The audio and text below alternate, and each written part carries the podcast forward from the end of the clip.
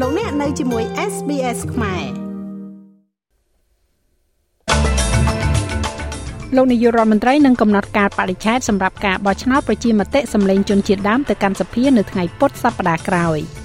មានការអំពាវនាវឲ្យមានកំណែទម្រង់អប់រំខណៈលទ្ធផល Net Plan បង្ហាញថាសិស្សម្នាក់ក្នុងចំណោម3នាក់មិនបានបំពេញតាមស្តង់ដារអបបរមាប្រជាជនអូស្ត្រាលីជំរុញឲ្យត្រៀមសម្រាប់រដូវភ្លើងឆេះព្រៃដ៏ធ្ងន់ធ្ងរបំផុតចាប់តាំងពីហេតុការណ៍ Black Summer មក។ លោកនាយករដ្ឋមន្ត្រីនឹងកំណត់ការបរិច្ឆេទសម្រាប់ការបោះឆ្នោតប្រជាមតិសម្លេងជនជាតិដើមទៅកាន់សភានៅទីក្រុងអាដាលេដនៅថ្ងៃពុធសប្តាហ៍ក្រោយដោយបានលើកឡើងថារដ្ឋអូស្ត្រាលីខាងត្បូងជារដ្ឋដែលត្រូវតែឈ្នះសម្រាប់យុទ្ធនាការ Yes ការបដិឆេទដែលគេចង់បានសម្រាប់ការបោះឆ្នោតទូទាំងប្រទេសដើម្បីផ្លាស់ប្តូររដ្ឋធម្មនុញ្ញនេះគឺនៅថ្ងៃទី14ខែតុលា ដែលធ្វើឡើងនៅចន្លោះរវាងព្រឹត្តិការណ៍កីឡានានានិងនៅក្រៅរង្វង់ថ្ងៃឈប់សម្រាកពេលវ៉ាកងសម្រាប់សិស្សសាលាវាក៏នៅមុនពេលដែលរដូវវស្សាចូលមកដល់ដែលនឹងរារាំងដល់សហគមន៍ជនជាតិដើមភាគតិចមួយចំនួនមិនអោយពួកគេទៅបោះឆ្នោតបានងាយស្រួលផងដែរ។ ដើម្បីឲ្យប្រជាមតិនេះទទួលបានជោគជ័យវាត្រូវការសម្លេងភាគច្រើនដាច់ខាតហើយរដ្ឋភាគច្រើនត្រូវគ្រប់គ្រងវាឧបការីរដ្ឋមន្ត្រីទទួលបន្ទុកជនជាតិដើមភាគតិចអូស្ត្រាលីលោកស្រី Malarini McCarthy មានប្រសាសន៍ថាប្រជាជនអូស្ត្រាលីជាច្រើននឹងទន្ទឹមរង់ចាំចង់ដឹងពីការបរិច្ឆេទនៃការបោះឆ្នោតនេះ។ I certainly hope so. I'm hanging out to to hear the date myself. ខ្ញុំប្រកាសជាសង្ឃឹមដូច្នេះខ្ញុំកំពុងតែរៃរនៅទីនេះថ្ងៃដែលខ្លួនខ្ញុំផ្ទាល់ហើយខ្ញុំដឹងថាប្រជាជនអូស្ត្រាលីភាគច្រើនរងចាំហើយគ្មានការសង្ស័យទេដែលលោកនាយករដ្ឋមន្ត្រីនឹងធ្វើឡើងភ្លាមភ្លាមនៅពេលដែលលោកត្រៀមខ្លួនរួចខ្ញុំបានឃើញរបាយការណ៍ប្រព័ន្ធផ្សព្វផ្សាយនៅថ្ងៃនេះហើយខ្ញុំរំពឹងថាវានឹងជិតមកដល់ហើយ។ មានប្រតិកម្មជាច្រើននឹងការអំពាវនាវឲ្យមានកំណែតម្រង់ដ៏ធំដុំមួយ ចំពោះប្រព័ន្ធអប់រំបន្ទាប់ពីលទ្ធផលអសរសាស្ត្រនិងលេខនិពន្ធ NAPLAN លទ្ធផលបង្ហាញថាសិស្សម្នាក់ក្នុងចំណោម10នាក់មិនបានបំពេញតាមស្តង់ដារ NAPLAN ហើយតិចជាង30%នៃសិស្សនៅក្នុងសាលារៀនដាច់ស្រយាលខ្លាំងត្រូវបានគេវាយតម្លៃថាខ្លាំងឬក៏ហួសប្រមាណសមាជិកប្រសិទ្ធិគណៈបក National គឺលោក Matt Canavan បាននិយាយថាការផ្ដល់មូលនិធិរបស់រដ្ឋាភិបាលបច្ចុប្បន្នមើលមិនឃើញនៅលទ្ធផលនោះទេហើយគណៈបក Greens ក៏និយាយថាការធ្លាក់ចុះនៃការអនុវត្តគឺជាផុសតាងសម្រាប់ការរុះរើកញ្ចប់ថវិកាសាលារៀនរដ្ឋមន្ត្រីក្រសួងអប់រំលោក Jason Clare យល់ស្រប I've said a number of times that we need serious reform ខ្ញុំបាននិយាយជាច្រើនដងមកហើយថាយើងត្រូវការកំណែតម្រង់ធំដុំចំពោះវិស័យអប់រំខ្ញុំគិតថារបាយការណ៍នេះធ្វើឲ្យមានភាពច្បាស់លាស់ណាស់អ្វីដែលវាបង្ហាញគឺយើងមានប្រព័ន្ធអប់រំដ៏ល្អមួយប៉ុន្តែវាអាចប្រសើរឡើងជាងនេះច្រើនទៀតវាអាចមានភាពយុត្តិធម៌ជាងនេះប្រសិនបើអ្នកស្ថិតនៅក្នុងប្រភេទទាបបំផុតគឺក្រោមស្តង់ដារបបរមានោះមានតែកុមារម្នាក់ក្នុងចំណោម5នាក់ប៉ុណ្ណោះដែលនឹងចេញពីចំណុចនេះនៅពេលដែលពួកគេរៀនថ្នាក់ទី9 ដូច្នេះនេះគឺធ្ងន់ធ្ងរហើយត្រូវការកំណែទម្រង់ដ៏ធំដុំនៅទូទាំងប្រទេសសិស្សម្នាក់ក្នុងចំណោម10នាក់នៅគ្រប់ថ្នាក់ទាំងអស់ត្រូវបានគេរកឃើញថាត្រូវការជំនួយបន្ថែមខណៈដែលជាមធ្យម1ភាគ3នៃសិស្សជនជាតិដើមភាគតិចទាំងអស់ស្ថិតនៅក្នុងប្រភេទដែលត្រូវការជំនួយបន្ថែមនេះ។ អាញាធរពន្លត់អគិភ័យជាតិបានជំរុញឲ្យប្រជាជនអូស្ត្រាលីត្រៀមរៀបចំខ្លួនសម្រាប់រដូវកាលភ្លើងឆេះព្រៃដ៏សំខាន់បំផុតមួយចាប់តាំងពីមានភ្លើងឆេះព្រៃដ៏សាហាវ Black Summer កាលពីឆ្នាំ1សំទោសកាលពីឆ្នាំ2009-2020មក។ ភាគច្រើននៅតំបន់ភាគខាងកើតនិងកណ្ដាលនៃប្រទេសអូស្ត្រាលីប្រឈមនឹងហានិភ័យភ្លើងឆេះព្រៃកើនឡើងនៅនីតិខេត្តរដូវនេះខណៈដែលប្រទេសនេះរីងស្ងួតបន្ទាប់ពីមានអាកាសធាតុសើមជាច្រើនឆ្នាំមកហើយ។ ប្រធានក្រុមពន្លត់អគិភ័យនិយាយថាតំបន់ភីច្រើននៅក្នុងប្រទេសអូស្ត្រាលីមានផ្ទុកចំហេះខ្ពស់បន្ទាប់ពីរយៈពេល3ឆ្នាំក្រោមឥទ្ធិពលនៃគំរូអាកាសធាតុឡានីណា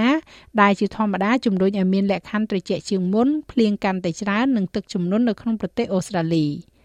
ទស្សនភាពនីតិខៈរដូវចុងក្រោយបំផុតព្រមានអំពីការកើនឡើងនៅហានិភ័យភ្លើងឆេះព្រៃនៅទូទាំងតំបន់ធំៗនៃដែនដីភាគខាងជើង រដ្ឋ Queensland និងរដ្ឋ New South Wales និងតំបន់ជនបទក្នុងរដ្ឋ Victoria និងរដ្ឋអូស្ត្រាលីខាងត្បូងលោកស្រី Naomi Banger ជាតំណាងការិយាល័យឧតុនិយម The There's a chance of unusually warm conditions for most regions. មានឱកាសនៃអាកាសធាតុក្តៅខុសពីធម្មតាសម្រាប់តំបន់ភាគច្រើននិងឱកាសនៃលក្ខខណ្ឌស្ងួតមិនធម្មតាសម្រាប់តំបន់មួយចំនួនរួមទាំងភាគខាងត្បូងនិងខាងកើត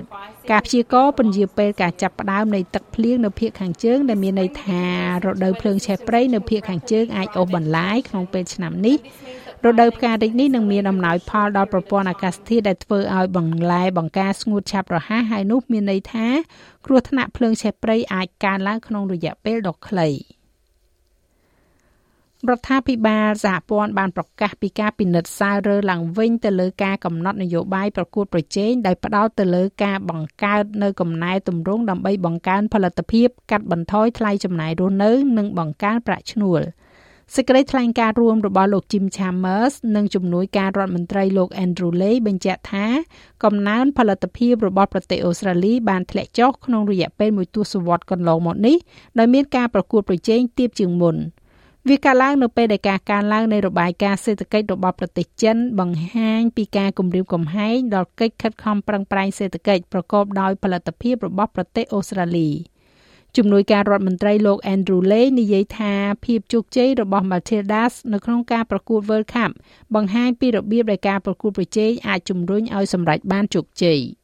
We understand that when there's not enough competition យើងយល់ថានៅពេលដែលមិនមានការប្រកួតប្រជែងគ្រប់គ្រាន់វាគឺជាជនរងគ្រោះដែលងាយគ្រោះ ថ្នាក់បំផុតដែលត្រូវរងទុក្ខដូច្នេះហើយដើម្បីធានាថាយើងមានសេដ្ឋកិច្ចដែលមានផលិតភាពកាន់តែប្រសើរឡើង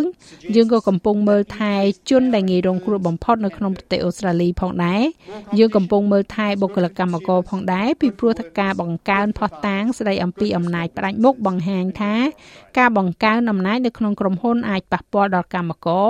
ការប្រកួតប្រជែងកាន់តែច្រើនគឺល្អសម្រាប់អ្នកប្រើប្រាស់ល្អសម្រាប់បុគ្គលិកកម្មករល្អសម្រាប់កសិករល្អសម្រាប់អាជីវកម្មខ្នាតតូច និងល្អសម្រាប់អូស្ត្រាលី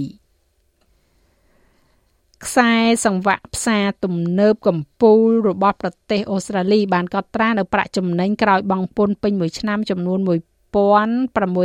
20លានដុល្លារដែលកើនឡើង4.6%ធៀបទៅនឹងឆ្នាំមុនដោយសារថ្លៃ ទំនិញចាប់ផ្ដើមបន្តកើនឡើងប្រាក់ចំណូលរបស់ផ្សារទំនើប Woolworths បានកើនឡើង5.7%គឺឡើងដល់64,300លានដុល្លារសម្រាប់រយៈពេល52សប្តាហ៍ដែលបានបិទបញ្ចប់នៅថ្ងៃទី25ខែមិថុនាឥឡូវនេះគឺឡើងលើសពីកម្រិតមុនមានโรគរាតត្បាត វាកើនឡើងបន្ទាប់ពី Coles បានរាយការណ៍ពីប្រាក់ចំណេញចំនួន1100លានដុល្លារដែលជាការកើនឡើង4.8%នៅក្នុងប្រាក់ចំណេញប្រចាំឆ្នាំពេញមួយឆ្នាំការលក់របស់ទីផ្សារទំនើបអូស្ត្រាលីបានកើនឡើង4.7%គឺឡើងដល់41,400លានដុល្លារជាមួយនឹងការលក់តាមអនឡាញកើនឡើង2.9%គឺឡើងដល់5.1ពាន់លានដុល្លារ អតីតនាយករដ្ឋមន្ត្រីថៃលោកថាក់ស៊ីនស៊ីណាវ៉ាត់ត្រូវបានបញ្ជូនទៅកាន់មន្ទីរពេទ្យបន្ទាប់ពីមានបញ្ហាព្រួយបារម្ភផ្នែកសុខភាពបរិះវ័យ74ឆ្នាំរូបនេះបានធ្វើទុកជំងឺបេះដូងនិងជំងឺលើសឈាមនៅក្នុងរាត្រីដំបូងនៃការស្នាក់នៅក្នុងពន្ធនាគារដែលលោកត្រូវជាប់រយៈពេល8ឆ្នាំ។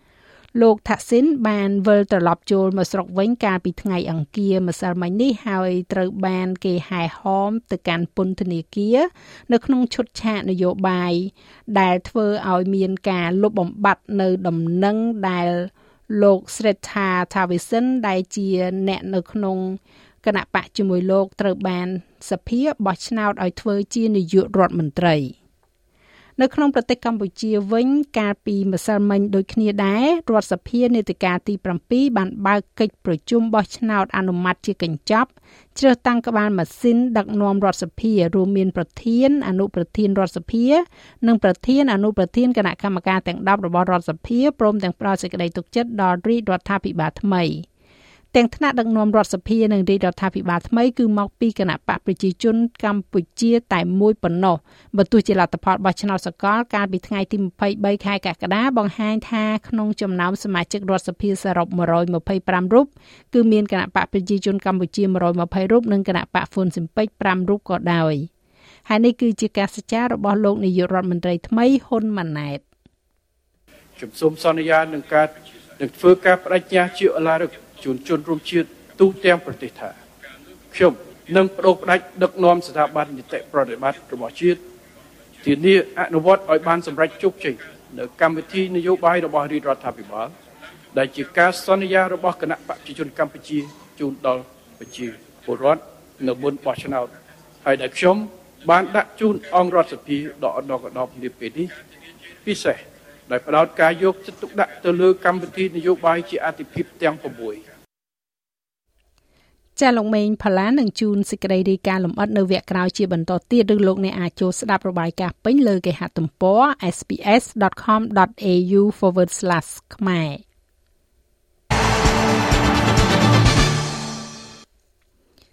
នៅក្នុងព័ត៌មានកីឡាអត្តពលកម្មនាង Jessica Hull នៅតែមានទំនុកចិត្តថានាងកំពុងស្ថិតនៅលើផ្លូវឆ្ពោះទៅកាន់កីឡាអូឡ িম্প ិកទីក្រុងប៉ារីសបន្ទាប់ពីបានបញ្ចប់ក្នុងចំណាត់ថ្នាក់ទី7ក្នុងការប្រកួតប្រដាច់ព្រាត់ជើងឯកពិភពលោកចម្ងាយ1500ម៉ែត្រ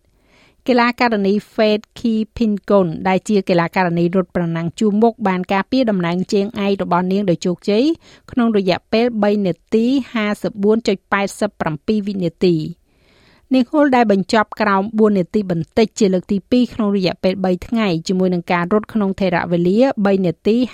59.54វិនាទីនោះបានទទូចថា នាងនៅមិនទាន់ធ្វើឲ្យបានល្អបំផុតនៅឡើយនោះទេចំណែកឯអត្រាប្តូរប្រាក់វិញ1ដុល្លារអូស្ត្រាលីមានតម្លៃប្រមាណជាជាង64សេនដុល្លារអាមេរិកត្រូវនឹង2670រៀលប្រាក់រៀលខ្មែរ។ យើងក៏លេខមកមើលការព្យាករណ៍អាកាសធាតុសម្រាប់ថ្ងៃប្រហ័សស្អែកនេះវិញ នៅទីក្រុងផឺតមានពពកដោយពេល21អង្សា បើកថ្ងៃនៅអាដាលេដ19អង្សា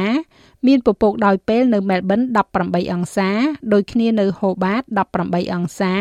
ខេនបេរ៉ាមានពពកដោយពេលដូចគ្នា17អង្សា ដូចគ្នាដែរនៅស៊ីដនី20អង្សា Brisbane ភាគច្រើនបើកថ្ងៃ25អង្សា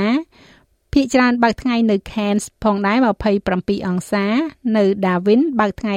35អង្សា និងនៅទីក្រុងភ្នំពេញមានផ្គររន្ទះរាយប៉ាយ36អង្សា